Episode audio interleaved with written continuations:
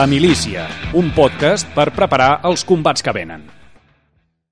Benvinguts a La Milícia. De tant en tant, em torna a la memòria el funest personatge que durant uns dies va ocupar minuts i línies dels mitjans catalans públics i concertats.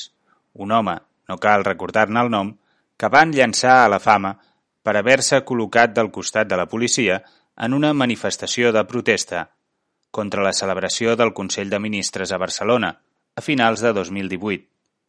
A la desgràcia d'haver d'escoltar els arguments delirants d'aquell home, que es va creure en l'obligació d'evitar que els manifestants trenquessin el cordó policial, se li descomptava la satisfacció de veure'l amb un gorret ridícul per tapar la ferida que un dels Mossos que estava al seu costat, defensant aquell mateix cordó, li va provocar d'un cop de porra.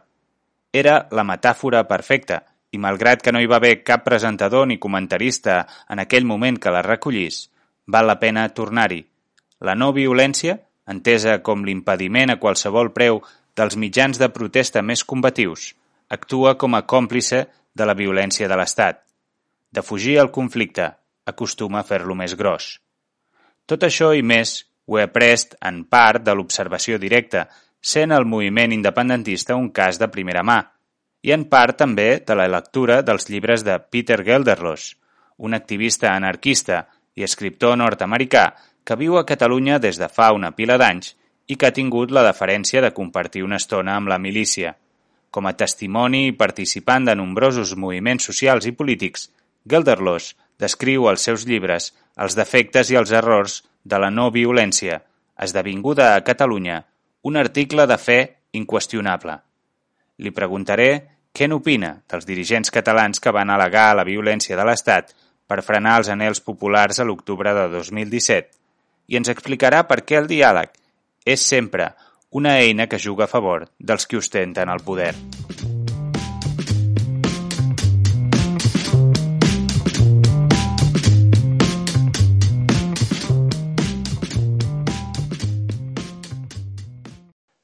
Peter, benvingut a la milícia i gràcies per atendre la nostra trucada.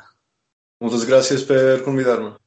Fa uns anys, eh, allò que busques per internet, eh, hi vaig trobar per casualitat el teu llibre eh, How Non-Violence Protects the State, com la no violència protegeix l'Estat i me'l vaig llegir d'una tirada, molt, molt interessat, subratllant-lo per tot arreu i, i admirat de la, de la teva capacitat per argumentar la tesi principal del llibre que, que, com indica el títol, seria que la no violència serveix millor als propòsits de, dels governs i dels exèrcits que no pas els dels moviments d'oposició. La meva sorpresa va ser fa, fa unes quantes setmanes quan vaig veure a Twitter que aquell mateix autor, que jo feia a milers de quilòmetres de distància, doncs comentava les manifestacions de protesta per l'empresonament de Pablo Hasél i fins i tot eh, tuitava en català. També hauria d'haver sospitat perquè en alguns exemples dels teus llibres utilitzes eh, manifestacions i moviments de protesta tant de, doncs, per exemple, del 15M o, o, o vagues generals que, que s'han produït aquí, no? Però bé, així per començar, eh, el podcast d'avui m'agradaria, Peter,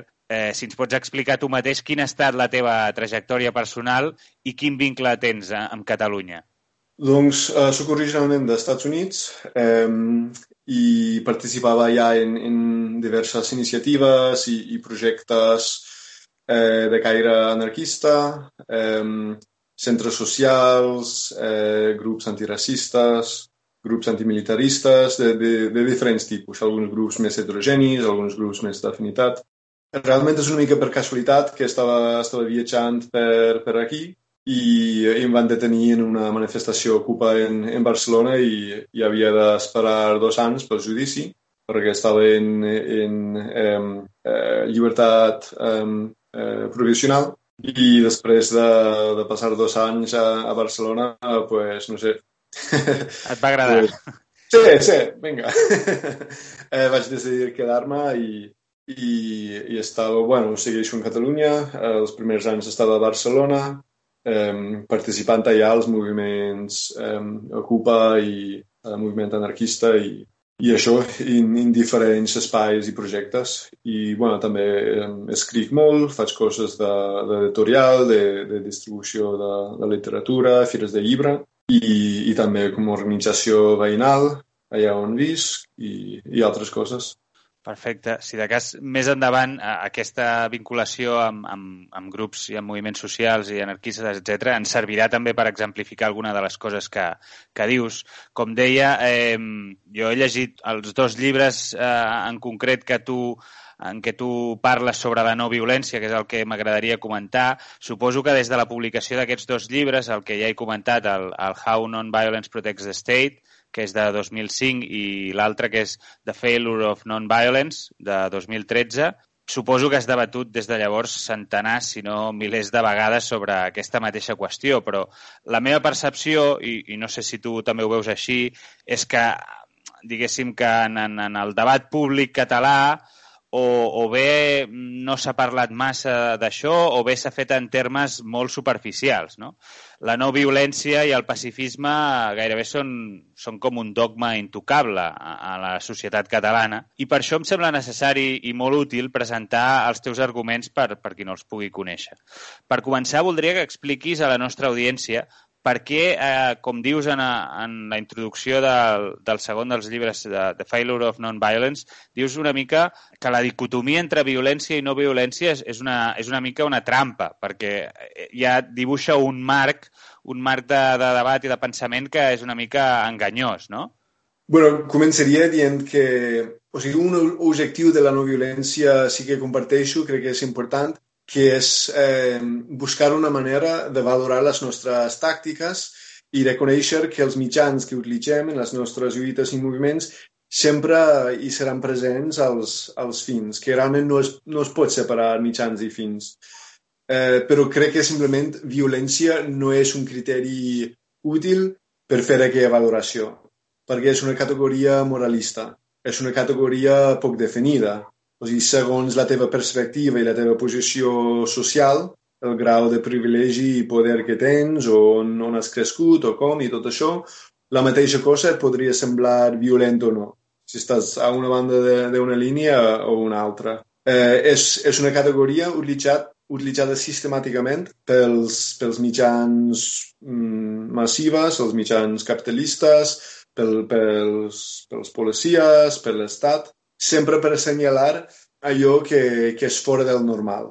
I en una societat capitalista, lo normal és el que més mal fa, però moltes vegades fa aquest mal d'una forma silenciosa, invisibilitzada, i, i doncs una persona o una comunitat donant cara a alguna, diguem, com una maquinària social que fa molt de mal, com podria ser, per exemple, com un central elèctric que contamina tot un barri, pues estem parlant possiblement de milers de casos d'asma, de, de càncers i tot això, però és invisible, és normal, està dins del dia a dia, i, i si un barri eh, eh planta cara a, a una cosa així, i inclús com arribar a enfrontaments amb la policia o bloquegen carrers o, o destrossen alguns immobles, immobles urbans o, o alguna propietat, una cosa no viva, això semblarà més violent que la realitat en si que, que normalitza l'assassinat de, de les persones més pobres, etc. Doncs no és una categoria útil.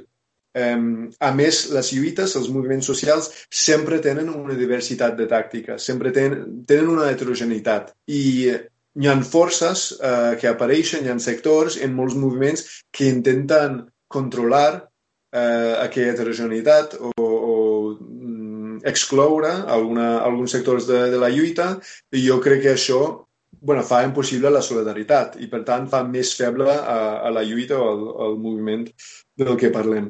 Doncs eh, la no violència, al ser com una categoria exclusiva, no és capaç d'abraçar aquella diversitat en les lluites. I doncs jo i molts altres, al criticar la no violència, estem, estem també rebutjant tota la dicotomia. No, no som defensors de la violència, sinó reconeixem que una, un moviment fort necessita una diversitat de, de tàctiques i que tampoc podem, podem establir criteris molt generalistes fora de qualsevol context per saber que aquella tàctica sempre està equivocada o aquella tàctica sempre és inefectiva, eh, sinó que s'han de debatir aquella, aquelles coses dins un context i dins els moviments. I doncs no, no, ens, no ens serveixen aquests criteris tan, tan amples, tan generalistes. Sí, perquè una, una de les coses que em va fer pensar llegint els teus llibres és aquesta idea no? de que els defensors de la no violència mentre que tu ara ens estaves comentant que el que defenses és eh, doncs que, que hi ha eh, diverses, hi ha una diversitat de, de tàctiques que pot utilitzar eh, cada moviment en, en funció doncs, de, de, tant de, de les circumstàncies com de les preferències de cadascú. Eh, el que fa molta vegada, moltes vegades, no tots, però molta part dels defensors de la no violència és fer-se amb el control del moviment sencer, no? de tot, és a dir, imposar el seu, els seus mètodes no violents a la resta de, de, de, de, de, tot, el, bueno, de tot el moviment, no? Mentre que tu això defensaves que, que, ha, que la diversitat de tàctiques justament afavoreix doncs, que eh, l'estratègia més a llarg termini doncs, eh, pugui, pugui aconseguir-se molt menys previsiblement, no? perquè si tu optes per una sola eh, metodologia, com és la no violència, doncs el teu eh, rival ja sap com enfrontar-s'hi. No? Això és, és com un exemple, però una cosa que em, fa, em va fer, diguéssim, pensar una mica era això fins i tot vas, eh, arribes a dir doncs, que t'has trobat en la situació de veure que per imposar la no violència els seus proponents han arribat a utilitzar la violència, no? Això és una cosa que també em va sobtar. Bueno, de fet, la, la primera vegada que, que a mi em van agredir en una, una, en una manifestació no, no va ser per la policia, sinó el que a, a, bueno, a països de, de, de parla anglesa es diuen Peace Police, o la policia de pau, que serà bueno, un servei de, de pau dins la, la, la mateixa manifestació. I van funcionar com la, el, com el primer nivell d'intervenció estatal eh, perquè no volien deixar a, a les persones bloquejar el carrer. I això, si me'n recordo bé, era una manifestació o contra l'FMI el Banc Mundial o contra la, la imminent invasió d'Iraq, o sigui, estem parlant de, de que s'estaven intentant assenyalar un mal molt, molt gran, una, una violència en les vides de milions de persones, però els organitzadors, els que volien controlar la manifestació, era, era com massa violent bloquejar un carrer. I doncs ells, utilitzant mm, tècniques més pacífiques, intentaven...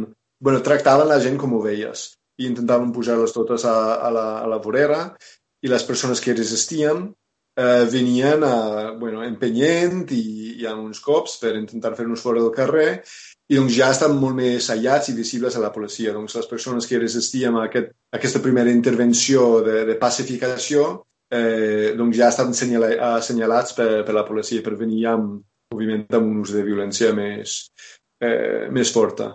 Però sí, és, és que mm, realment es tracta més de control que, que de, de pau, perquè pau, o sigui, en, en el món en què vivim, que és, que és la pau. Una altra cosa que també m'interessa de, del, del teu punt de vista és que fas una esmena a la totalitat a algunes de les històries eh, que ens han anat explicant sobre moviments no violents que han triomfat, no? com ara la lluita pels drets civils als Estats Units o la, indep la independència de la Índia, per exemple, no? amb les figures de, de Martin Luther King i, i de Gandhi, com a suposats referents de la no violència. I tu no és que diguis que, que no siguin uns referents importants en els seus moviments, sinó que en realitat ens els han explicat malament, no?, per dir-ho així. Sí. Uh, els dos casos i, i molts més segueixen el mateix patró, que és agafen un, un moviment molt heterogeni amb molts sectors diferents que tenien objectius diferents, que utilitzaven mètodes diferents i borren, esborren tot, tota aquella diversitat per donar-nos una representació molt simplificada i, i homogènia de lo que era aquella lluita. I després agafen lo que, lo que realment era un, un pas més, era com una, una victòria parcial a mig termini i ho pinten com si fos el final d'aquella lluita, com si fos la gran victòria, quan no ho era. I aquells dos patrons han de veure amb el fet de que els, els, els vencers, els guanyadors, són els que escriuen la història. I en aquests dos casos no, no van aconseguir una, una revolució de veritat, no, no van canviar el poder i qui tenia el poder al fons, sinó que van obligar, com, van obligar el sistema a cedir alguna reforma. I doncs els, els, els guanyadors, que eren els de sempre, eh, tenien l'oportunitat d'escriure la història per fer creure a la gent que Perú, eh, aquella lluita ja, ja fue, ja, ja no calia seguir lluitant perquè ja s'havien guanyat i la gent ja estava lliure i, i totes i tots estaven, estaven felices i content, contentes i que, fos, eh, i que, que va ser la, violen la no violència que va aconseguir aquella victòria. I doncs volen que les properes generacions, quan arriben al moment inevitable de rebel·lar-se, de lluitar per, per la seva llibertat, per la seva felicitat, per, per millors condicions de vida, que tinguin una, una idea equivocada, una història, bueno, una memòria històrica falsificada sobre com lluitar, perquè és molt més fàcil controlar les lluites no violentes. En el cas de, del moviment pels drets civils, no ens ensenyen, per exemple, que Martin Luther King anava armada. O sigui, ell portava moltes vegades una pistola i en, en, molts, en moltes, moltes campanyes seves acudien a, als grups com els Deacons de Defense, que era un, un grup, era bueno, curiós vist des de, des d'ara, però tenia molt de sentit en, en aquell moment amb, amb tots els, els grups racistes, tots els linxaments i tot, que era un grup més o menys progre de política, no eren molt, molt radicals, eh, molts eren cristians, eh, negres, i, i s'armaven i es defensaven de la KKK, del clan o de, o de la policia i en moltes campanyes de, de Martin Luther King i la seva organització acudien a, a aquelles formacions armades perquè si no haurien mort.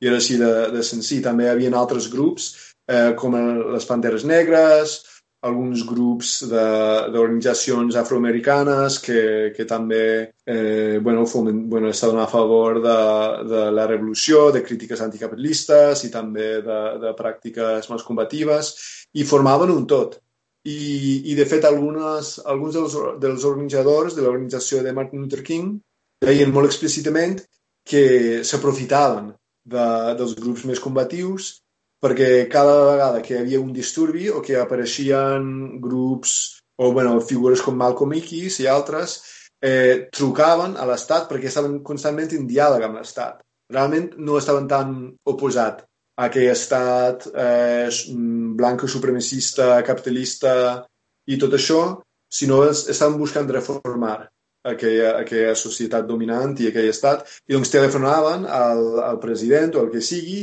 dient que si no entreu en diàleg amb nosaltres per posar algunes reformes parcials, doncs els altres tindran el poder, els més radicals.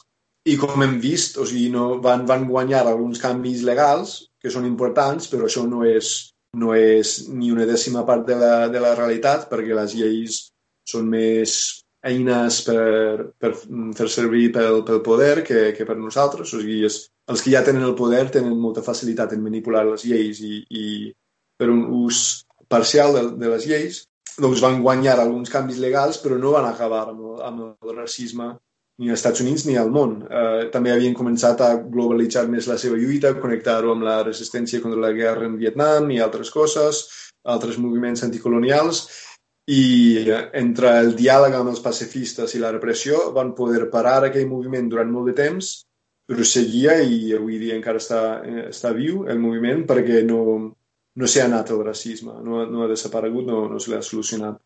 I és molt semblant en Índia, que els britànics van fomentar el nacionalisme a l'Índia eh, per, per això, per assegurar que el nou govern eh, d'Índia seria un altre govern capitalista que també protegeria els interessos capitalistes de, de Gran Bretanya i de tot el sistema tot el sistema global. I que també aquell moviment havia Gandhi, però també hi havia molts moments de motins, de revoltes, de disturbis, havien comunistes armats allà, com Bhagat Singh, executat pels, pels britànics, i altres que en certs moments tenien molta influència en, en el moviment.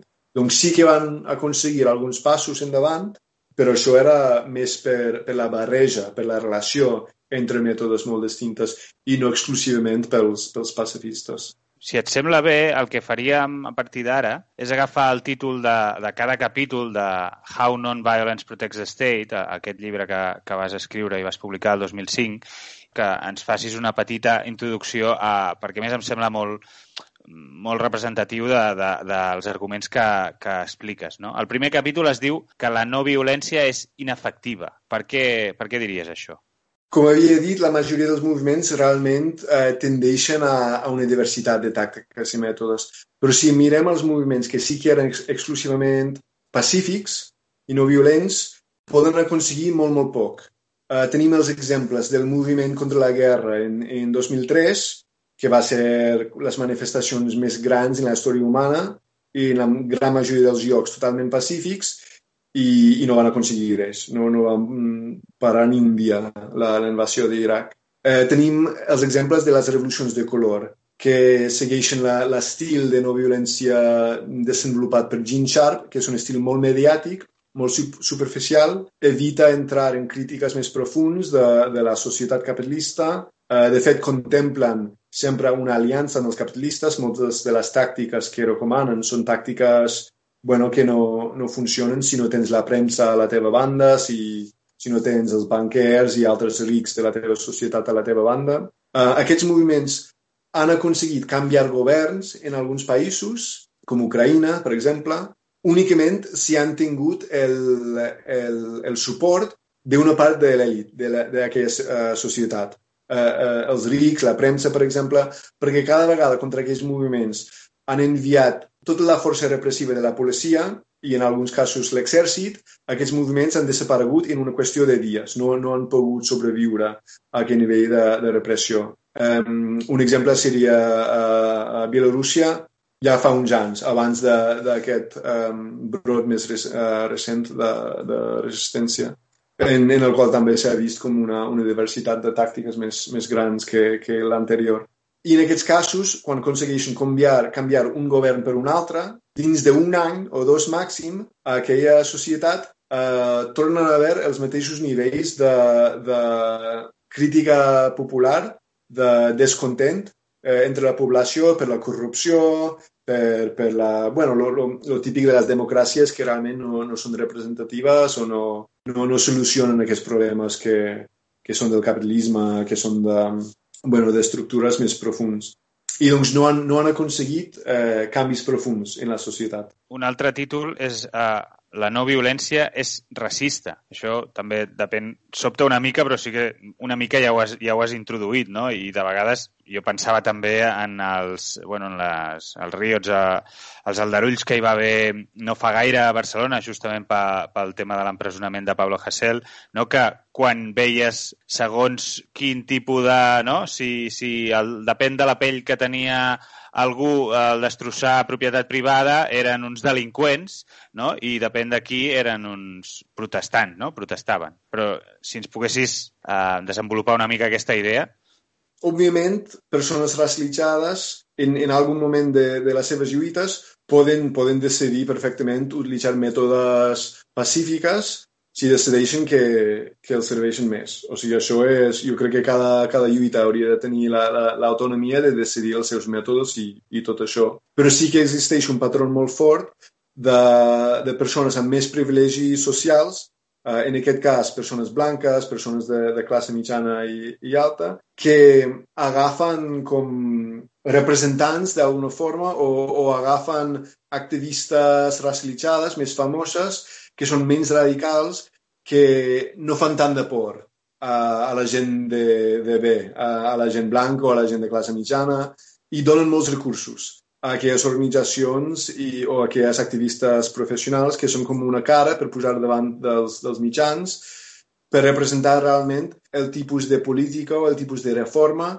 que els sembla més acceptable a les persones amb més poder a la societat. I doncs en el cas del, del, del moviment contra el racisme durant els 50, els 60, els 70 als Estats Units, com, com un exemple ben documentat, persones com Malcolm X o les Panteres Negres tenien moltíssim, moltíssim de recolzament a les comunitats afroamericanes, però feien molt més por al, a, als, als blancs i, i sobretot als blancs de classe mitjana i alt, perquè parlaven d'estructures fonamentals dels de, Estats Units. O sigui, els Estats Units és, és un país assentador, està, està basat en la supremacia blanca, està basat en el colonialisme. I doncs realment algunes organitzacions, alguns cor corrents estaven parlant bàsicament d'abolir els Estats Units, d'abolir eh, les estructures fonamentals d'aquella societat, que també són les estructures fonamentals en, en un estat com l'estat espanyol, per cert.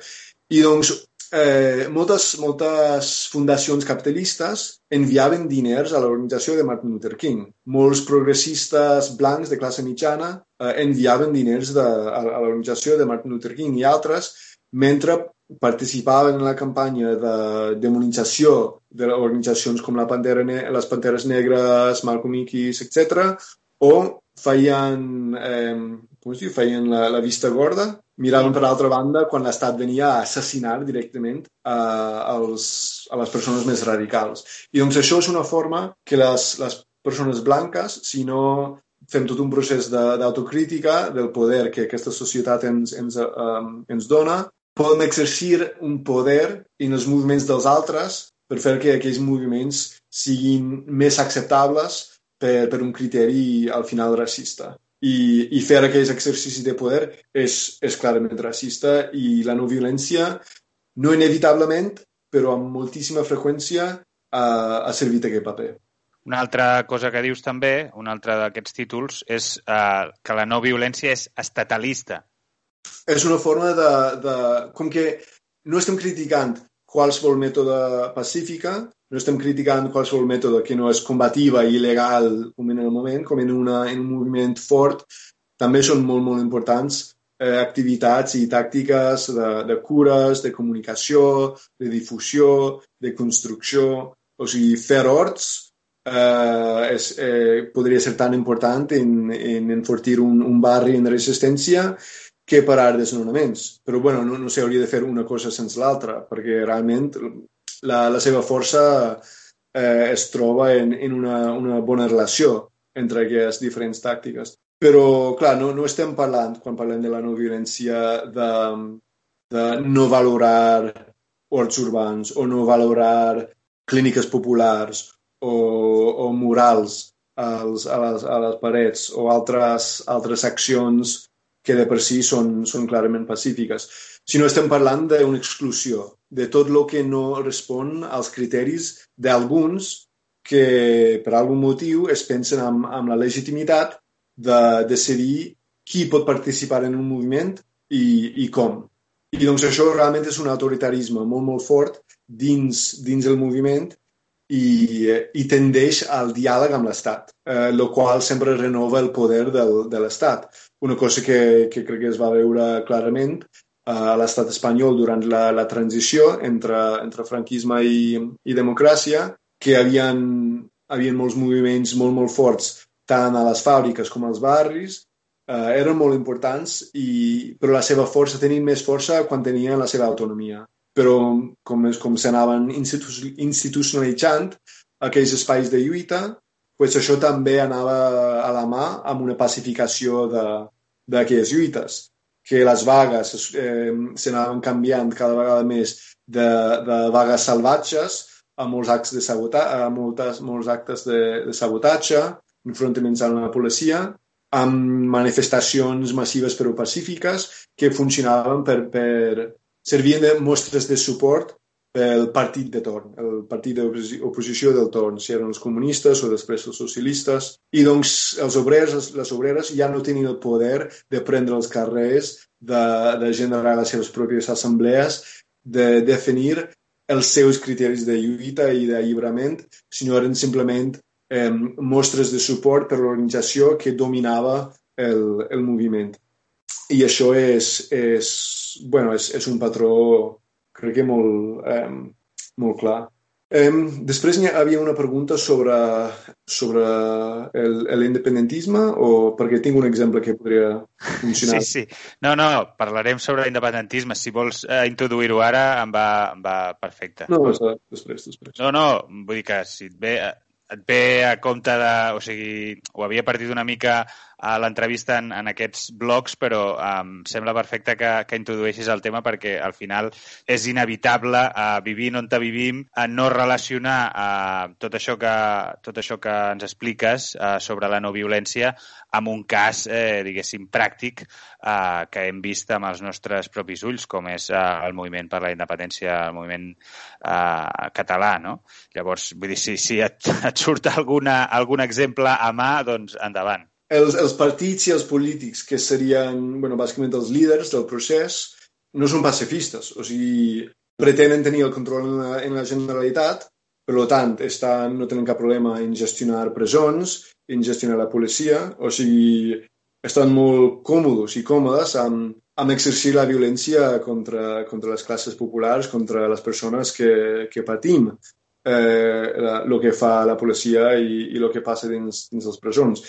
I si es converteixen en, en, un, en un estat independent, eh, segurament eh, serà partícipe de, del, bueno, evolució dins la Unió Europea eh, cap a una, un ús cada vegada més actiu de, de les forces armades en Àfrica, a l'Orient Mitjà, de ser més intervencionista o de simplement eh, eh, comerciar en, en les armes, comerciar en les guerres, eh, potser vendre, vendre armes o donar altres suports a l'estat d'Israel i, i altres coses així. Doncs no, no són, s'ha d'entendre de que no són gent de pau, parlant dels, dels polítics i els, els partits, però que era quasi inevitable que eh, van, van imposar una no violència molt, molt forta eh, dins, el, dins el procés, dins el moviment per la independència in, inclús quan feia menys efectiu el moviment. O sigui, hi havia un, uns moments els darrers anys en què realment està, o sigui, estava a punt d'esclatar de,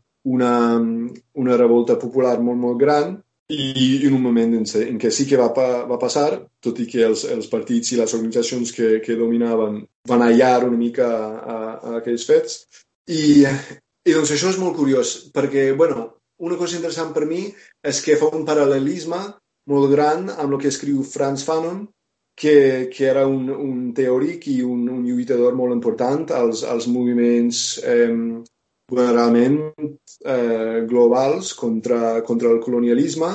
Eh, era un, un afrocaribeny que, que participava a la lluita per la independència d'Algèria contra, contra els colonialistes francesos i, bueno, si no heu llegit a Franz Fanon, ho recomano molt, és, és molt important. Sí, just, justament ha sortit fa molt poc la traducció al català de la primera... Imagina't com estem, la primera traducció al català dels condemnats de la Terra. Doncs ell parlava com havia... I ell estava com escrivint dins d'un context de lluita armada. O sigui, tampoc que es tractaven de, de persones que èticament eren pacifistes o, o partidaris de la no violència però parlava d'una dinàmica quasi universal que els, els suposats líders del moviment han d'imposar la, la no violència al moviment una vegada que han guanyat l'atenció dels, dels dominants, en aquest cas dels colonitzadors francesos. Perquè si són capaços d'imposar la no violència a un moviment tan fort com era el moviment per la independència a, a, Algèria, això és una mostra de que se'ls poden confiar de ser la nova classe governant. I si entenem que, que el capitalisme és, no és un moment en el capitalisme, sinó el colonialisme és, és una, una realitat eterna del capitalisme, és una activitat constant a tot arreu, amb, amb cares diferents, però, però això, podem entendre que tots els països que no són països eh, eh, europeus o països eh, assentadors, com, com Estats Units o Canadà, eh, són colònies, són neocolònies, i doncs formen com una mena de projecte pel capitalisme, per la supremacia blanca, pel, pel sistema colonial. I, i doncs, si aquests, si aquests líders del moviment per la independència són capaços d'imposar la no violència en el moment, doncs es poden confiar de controlar el moviment quan el moviment abarca tot el país, quan, quan el moviment guanya. Serien una, una nova classe governa, uh, governant uh, digna de gestionar el projecte francès a Algèria o el projecte europeu uh, a Catalunya. Una cosa, un, una, una cosa que també intentàvem mostrar els líders del procés amb, amb lemes com Catalunya nou, nou estat d'Europa doncs han d'imposar la, la no violència. Perquè al final un estat és això. Un estat, entre altres coses, és el monopoli de la violència, que vol dir que només els representants de, de l'estat poden exercir eh, la força i, i els altres hem d'esperar eh, bueno, a que ells decideixen per les nostres vides. Doncs, doncs això, és, és interessant aquest paral·lelisme entre, entre el que parlava Fanon en, en els moviments anticolonials i el que va passar um, en, el, en el moviment català, que, bueno, desafortunadament és, és, és un moviment que en els, almenys les seves expressions majoritàries no s'ha connectat gaire amb, amb cap crítica antiracista o, o anticapitalista de, de la realitat europea, sinó estan intentant reproduir el model europeu d'una forma més, més eficient inclús que els governants eh, espanyols. De fet, és curiós perquè mm, tu comentaves ara que justament hi va haver hi va haver uns certs moments en què eh, bueno, hi havia com uns conats eh, de revolució a, a, a Catalunya, no? I que va ser aquesta diguéssim, la seva... els dirigents la van aturar a través de, no, d'això que deies, d'imposar la no violència per poder demostrar a, a les elites eh, tant de l'Estat com europees que eren capaços de dominar a la població. No? Però justament, de fet, inclús hem vist eh, declaracions d'alguns polítics eh, a posteriori en què deien que es penedien de no haver um, dut fins a l'extrem a aquella, aquell, diguem, aquell ambient revolucionari, per dir-ne així, eh, i haver-lo tallat abans. No? Però, a la vegada, a, el, el, el motiu en, pel qual han explicat després que ho havien fet era per evitar eh, la violència, per evitar morts, no? Sempre diuen, eh, en el relat que s'ha instal·lat d'aquells anys, no? sobretot estem parlant del 2017, d'aquella tardor, eh, és vam parar-ho perquè eh, si no hi haguessin, no? l'estat espanyol hagués provocat morts i eh, d'alguna forma diuen nosaltres n'haguéssim sigut responsables sense, eh, o sigui, que és una cosa una mica, bueno, d'aquesta, no sé com dir-ho, una mica perversa en el sentit de que jo em faig responsable de la violència dels altres, però a la vegada eh, el que el marc que imposo és la no violència, no? És a dir, no, no em defensaré, però a la vegada eh, em faig responsable de la violència que imposin els altres, que és una cosa una mica rocambolesca, no? Vull dir, no, sí. no sé si en, en, el, vull dir, en, en el sentit d'aquesta d'això que estem parlant, no? del debat aquest de la no violència, també trobes algun tipus d'exemple de, en algun altre lloc que, que t'hi recordi, no?, aquesta situació? Sí, bueno, en, en, en aquest cas, el que dius, com que no, èticament no són, no són pacifistes, però és, és un reconeixement per part seva que, que la no violència no és, no és tan efectiva, uh, lo, lo, que, lo que acabes de dir. Jo, que, bueno, que no confio tant, bueno, com s'haurà vist, no confio tant en els polítics, jo crec que la... la no, jo tampoc, eh, que quedi. Eh, no sé, sí, sí, sí, sí, sí, sí. Però crec, crec que la seva decisió de, o la seva justificació d'evitar de, morts no ve tant per una, un sentit de, de responsabilitat ètica, perquè ja hem vist en, en moments de normalitat com, com utilitzen bueno, els Mossos contra persones que, que estan intentant aturar un desnonament, per exemple, sinó per un, un càlcul polític que, que seria com, bueno, que, que, que perdrien influència política, que seria com, des de la seva òptica, un, un mal moment o una mala situació si, si haguessin morts, si ells no han intentat frenar l'anomenada violència. O sigui que hauria sigut molt més fàcil pels mitjans eh, i polítics espanyolistes de culpar a ells. Bàsic, bueno, estan, crec que ja estan pensant en les properes eleccions. Inclús en el cas que no haguessin tallat en aquell moment una revolta popular, això hauria, hauria sigut una cosa inevitable. O sigui, imaginem que, en, que estem parlant de dos, 2017, no? bueno, en, en el moment del referèndum, si hauria esclatat en aquell moment el, una revolta popular que, que s'hauria esdevingut incontrolable uh, fins una, una inter intervenció com diplomàtica per, per governs europeus. Imaginem-ne un, una, una Catalunya independent. En aquell moment sí que haurien, haurien imposat la no violència. O sigui, la imposició de la no violència des de, des de la seva posició era una cosa inevitable i era simplement una qüestió tàctica d'en quin moment imposar la no violència perquè un govern sempre necessita que la seva població sigui pacífica. Doncs això, reprenent el, el fil per on anàvem, eh, estàvem dient, eh, hem dit, eh, repassant els, els títols aquests que dèiem, la no violència és inefectiva, la no violència és racista, la no violència és estatalista. Un altre punt és la no violència és patriarcal. En aquell capítol eh, consisteix quasi tot en, bueno, en cites llargues de, de diferents revolucionàries, eh, dones, trans i queer revolucionàries antipatriarcal. També fa una mica d'anàlisis perquè existeixen com alguns corrents més essencialistes que intenten dir que la, com les dones són, són naturalment pacífiques i doncs és la seva, com, el, la, com el seu punt de, de força, és utilitzar la no violència i, i que la violència és una cosa naturalment patriarcal.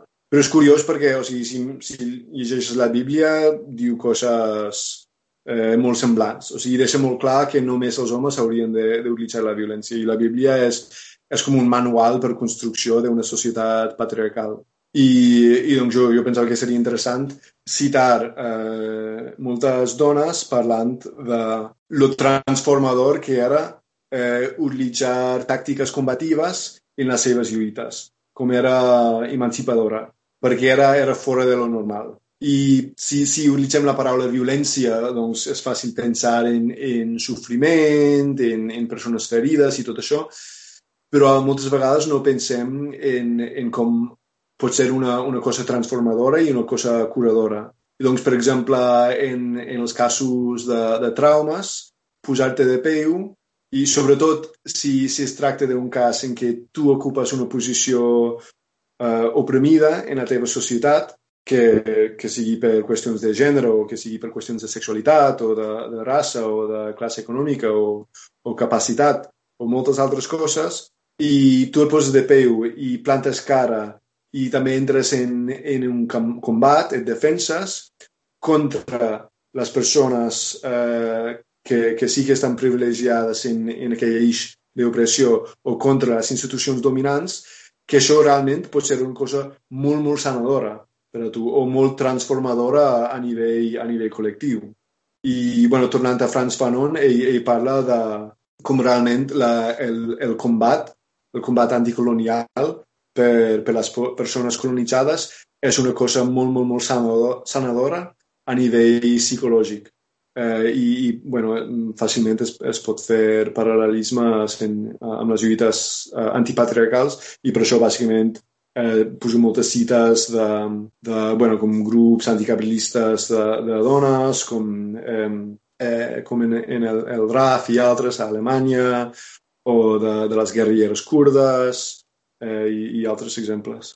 Aquest m'interessa també especialment, perquè dius, la no violència és estratègica i tàcticament és inferior, no? Ja havíem dit que és inefectiva per, per, per diferents raons, però és que, a més a més, dius que estratègicament i tàcticament és inferior a una, una una derivada òbvia que ja ho hem comentat és perquè et limites a un, a, diguéssim, de tot l'espectre de, de mètodes, diguéssim, comatius que tens, tu et limites a un. Però per quines raons més eh, dius això, que és estratègicament i tàcticament inferior? Clar, no, no pots desenvolupar relacions tan complexes entre, entre diferents tàctiques i també al final, inclús si es tracta del de, de típic moviment heterogeni, eh, hetero, heterogeni eh, amb una corrent no violent i, i altres corrents, i les corrents no violentes utilitzen com l'amenaça o la por de, de la violència dels radicals per entrar en, en diàleg amb, amb el poder, amb les institucions dominants, que, que sol ser bueno, de, de, de les estratègies més, més freqüents d'aquests corrents, no pots entrar al fons, no, no pots arribar als arrels del, del problema perquè, o sigui, en qualsevol societat opressiva no serà, no serà possible separar les estructures d'opressió en, aquella, en aquella societat de, de l'Estat.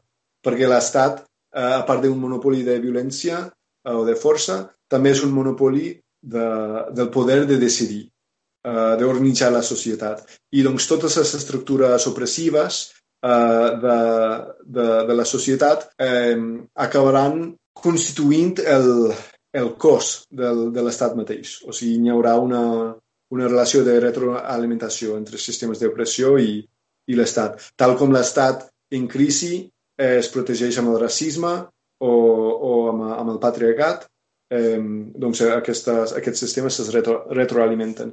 I l'estat viu del diàleg. O sigui, una, una de les coses que més por genera eh, en, en, en l'Estat, entre els, els, els líders, els, els agents de l'Estat, és enfrontar-se amb, amb, amb un enemic amb qui no és possible comunicar, en què no hi ha cap possibilitat de, de diàleg. O sigui, si estem parlant d'un moviment que ha generat la força per obstaculitzar la normalitat, per, per aturar la normalitat, que si hi ha manifestacions massives amb ocupacions de places, amb, bueno, amb atacs als bancs, amb, amb ocupació de, de cases i, i, i resistència als desnonaments, o, o etc. I, i que no reconeix la, la legitimitat de l'Estat i es nega a entrar en diàleg amb l'Estat, doncs l'Estat té molt, molt poques armes per, per enfrontar-se amb, amb un moviment així. I, I el diàleg torna a posar l'Estat al centre. És com, bueno, podríem fer com una mica un, un exemple o una comparació si pensem ara en, en la crisi ecològica i el canvi climàtic. Doncs realment estem parlant d'una crisi eh, que ja està matant a milions de persones cada any. O sigui, si mirem la, la manca d'aigua neta, la desertificació, la, la manca d'aliments sants, que no és per un, una, una, una, escasse, una escassetat absoluta, sinó pels sistemes de, de distribució i, i per bueno, catàstrofes provocades per l'agricultura la, comercial i industrialitzada, eh, les persones que moren eh, bueno, fugint de, de territoris desertificants, que moren al Mediterrani, que moren a, a la frontera entre Estats Units i Mèxic. Eh, si mirem a totes les persones que estan morint per, per la contaminació, contaminació de, de l'aigua i l'aire, ja estem parlant de milions de persones que estan morint cada any. No, no és un problema del futur. Doncs el més important, i, i ja, o sigui, els estats ja porten dècades conscients del problema i no fent res. Doncs el més important que per ells és que siguessin en el centre del, del diàleg, que és, eh, tinguessin un monopoli de proposar les solucions. Eh, igual amb, amb, amb les empreses energètiques. Eh, des de Repsol a, a Exxon i, i Shell i aquestes han d'estar allà, han d'estar convidades als, als, a les, bueno, les grans trobades de ministeris i els acords de París i tot això, perquè han, han de bueno, tenir una influència en, en proposar les, les suposades solucions per assegurar que els seus interessos es, es cuidaran en qualsevol procés de transformació que, econòmica que es fa com a resposta, del, com a resposta a la crisi ecològica. Si, si ningú fa un diàleg amb ells, no serien capaços de fer això. I doncs diria que això és, és dels, dels punts febles més importants de la no violència, eh, perquè, clar, si estem parlant d'un conflicte en una comunitat humana, el diàleg és molt important. En una comunitat humana tu no vols que un conflicte eh, esdevengui dos costats enfrontats, perquè això és, és fatal a, a, a una resolució d'un conflicte humà. Però quan estem parlant d'estructures de, de socials d'un nivell tan gran, eh, això del de el conflicte en una comunitat humana és una metàfora, és una metàfora totalment inadequada, perquè no es tracta de persones que estan en un diàleg amb altres, que estan fent les seves uh, pròpies decisions. Estem parlant d'institucions, i les institucions eh, per definició, tenen una capacitat d'autoregulació que són immunes a l'ètica humana, són immunes a les decisions individuals, si no s'autoreprodueixen. I, I doncs en aquell cas, lo important realment és, és, és de reconèixer que aquelles institucions ens estan matant, aquelles institucions ens estan portant a la vora de l'extinció. Eh, són, o sigui, si són eines per l'organització social, pues, ja han fallat fa molt de temps i, i hem de, de, bueno, de comprometre'ns comprometre en, en abolir aquelles institucions. Doncs qualsevol estratègia que es basa en dialogar eh, amb aquelles institucions de poder inevitablement ens, ens trairà. Ens, bueno, bàsicament permetran a, a, a la classe governant de sempre de, de mantenir el seu poder i, i no, no serà possible una transformació de lo que és el poder i com es produeix el poder i com es, es, es distribueix el poder en la nostra societat. Perfecte, ha quedat claríssim. Uh, ens queda un, un sol punt eh, de, que, aviam, jo he traduït com eh, és deluded, eh, jo he traduït com la no violència és una enganyifa. No sé si la traducció seria la, la millor possible, però és el que ho acaba de resumir tot plegat, no? Sí, sí, és això i, i també com, com porta, porta la gent a, a una realitat molt manipulada i a esperar coses totalment eh, no reals. Com, per exemple, des, després de les manifestacions contra la invasió d'Iraq, eh, al març de 2003, hi havia moltes organitzacions no violentes que, que havien comprat una mentida, havien comprat unes històries falsificades sobre la resistència a la guerra en Vietnam i, i obertament van dir que ara, després de manifestacions tan, tan grans i tan pacífiques, seria impossible pels Estats Units i els seus aliats, inclús, si no m'equivoco, l'estat espanyol, envair Irak. I ara sabem que això, o sigui, que això és absurd, que estaven totalment enganyats i enganyades. Que, que realment una manifestació totalment pacífica de 10 milions de persones no fa res en absolut per impossibilitar a un estat començar una guerra. No, no fa res de res. O, o bueno, com el 15M, eh, que, que les persones pensaven que simplement sentant-se a, a, a terra, a la plaça Catalunya, faria impossible a la policia desallotjar la plaça. I bueno, per, totes les persones que, que van baixar al, als carrers i a les places pel 15M, que no havien participat en, en els moviments socials abans i, per tant, no, no havien rebut cap transmissió de memòria històrica dels mateixos moviments, havien comprat la, els enganys, les mentides de, de la no violència, perquè això és el que ens, ens, ens alimenta, el que, el que ens, ens transmet eh, els mitjans de comunicació, l'educació a les escoles de l'Estat, etc. I doncs tenien com algunes expectatives molt, molt, molt poc reals i, i en una qüestió de mesos havien d'aprendre que, que, que se'ls havien enganyat, de que no guanyes res si, si, no, si no lluites, si no resisteixes i que simplement et sents a, a, a, a terra que hi ha ben poques coses que pots aconseguir. Més, més coses que si quedes a casa però, però que, és, que, és, que són tàctiques molt limitades. Molt bé, doncs eh, com que la cosa s'ha allargat i ja, ja hem tractat més o menys per sobre tots els, els temes que, que teníem previstos, eh, ho deixaríem per aquí. Sí que m'agradaria... Em sembla que has escrit un, un llibre fa molt poc. Ens pots dir, res, molt, molt breu, una mica sobre què va, per si quan el podrem trobar, per si algun dels, dels nostres oients doncs, té interès en, en, en aconseguir-lo quan, quan surti? I tant. Eh, encara no ha sortit... Bueno, l'original sortirà en anglès, estarà amb l'editorial, eh, i va sobre la crisi ecològica eh, des d'una perspectiva anticolonial. I doncs mm, no fent cap separació entre entre humans i, i altres formes de vida i, i entenent com la, la, bueno, la relació entre estructures socials i econòmiques, eh, el que està passant als, als sistemes de, de vida del planeta, eh, mirant Mm, per tant, a fronteres, a migració, a alimentació, sobirania alimentària, eh, transformació urbana, si, si les ciutats pertanyen a les persones que hi viuen o, o si pertanyen als, als propietaris, perquè totes aquesta, aquestes crisis estan, estan relacionades. Eh, I sembla que, que no, no tardarà, no, no trigarà gaire en, en traduir-se al, al català i al castellà. Perfecte, bones notícies. Doncs, doncs si de cas, quan surti, eh, potser podem tornar a parlar i a compartir una estona. Eh, Peter, eh, moltes gràcies per acompanyar-nos i fins a la propera. Perfecte, molt bé, estem en contacte. I els oients, doncs, el mateix. Eh, ens veiem a, al següent capítol. Moltes gràcies.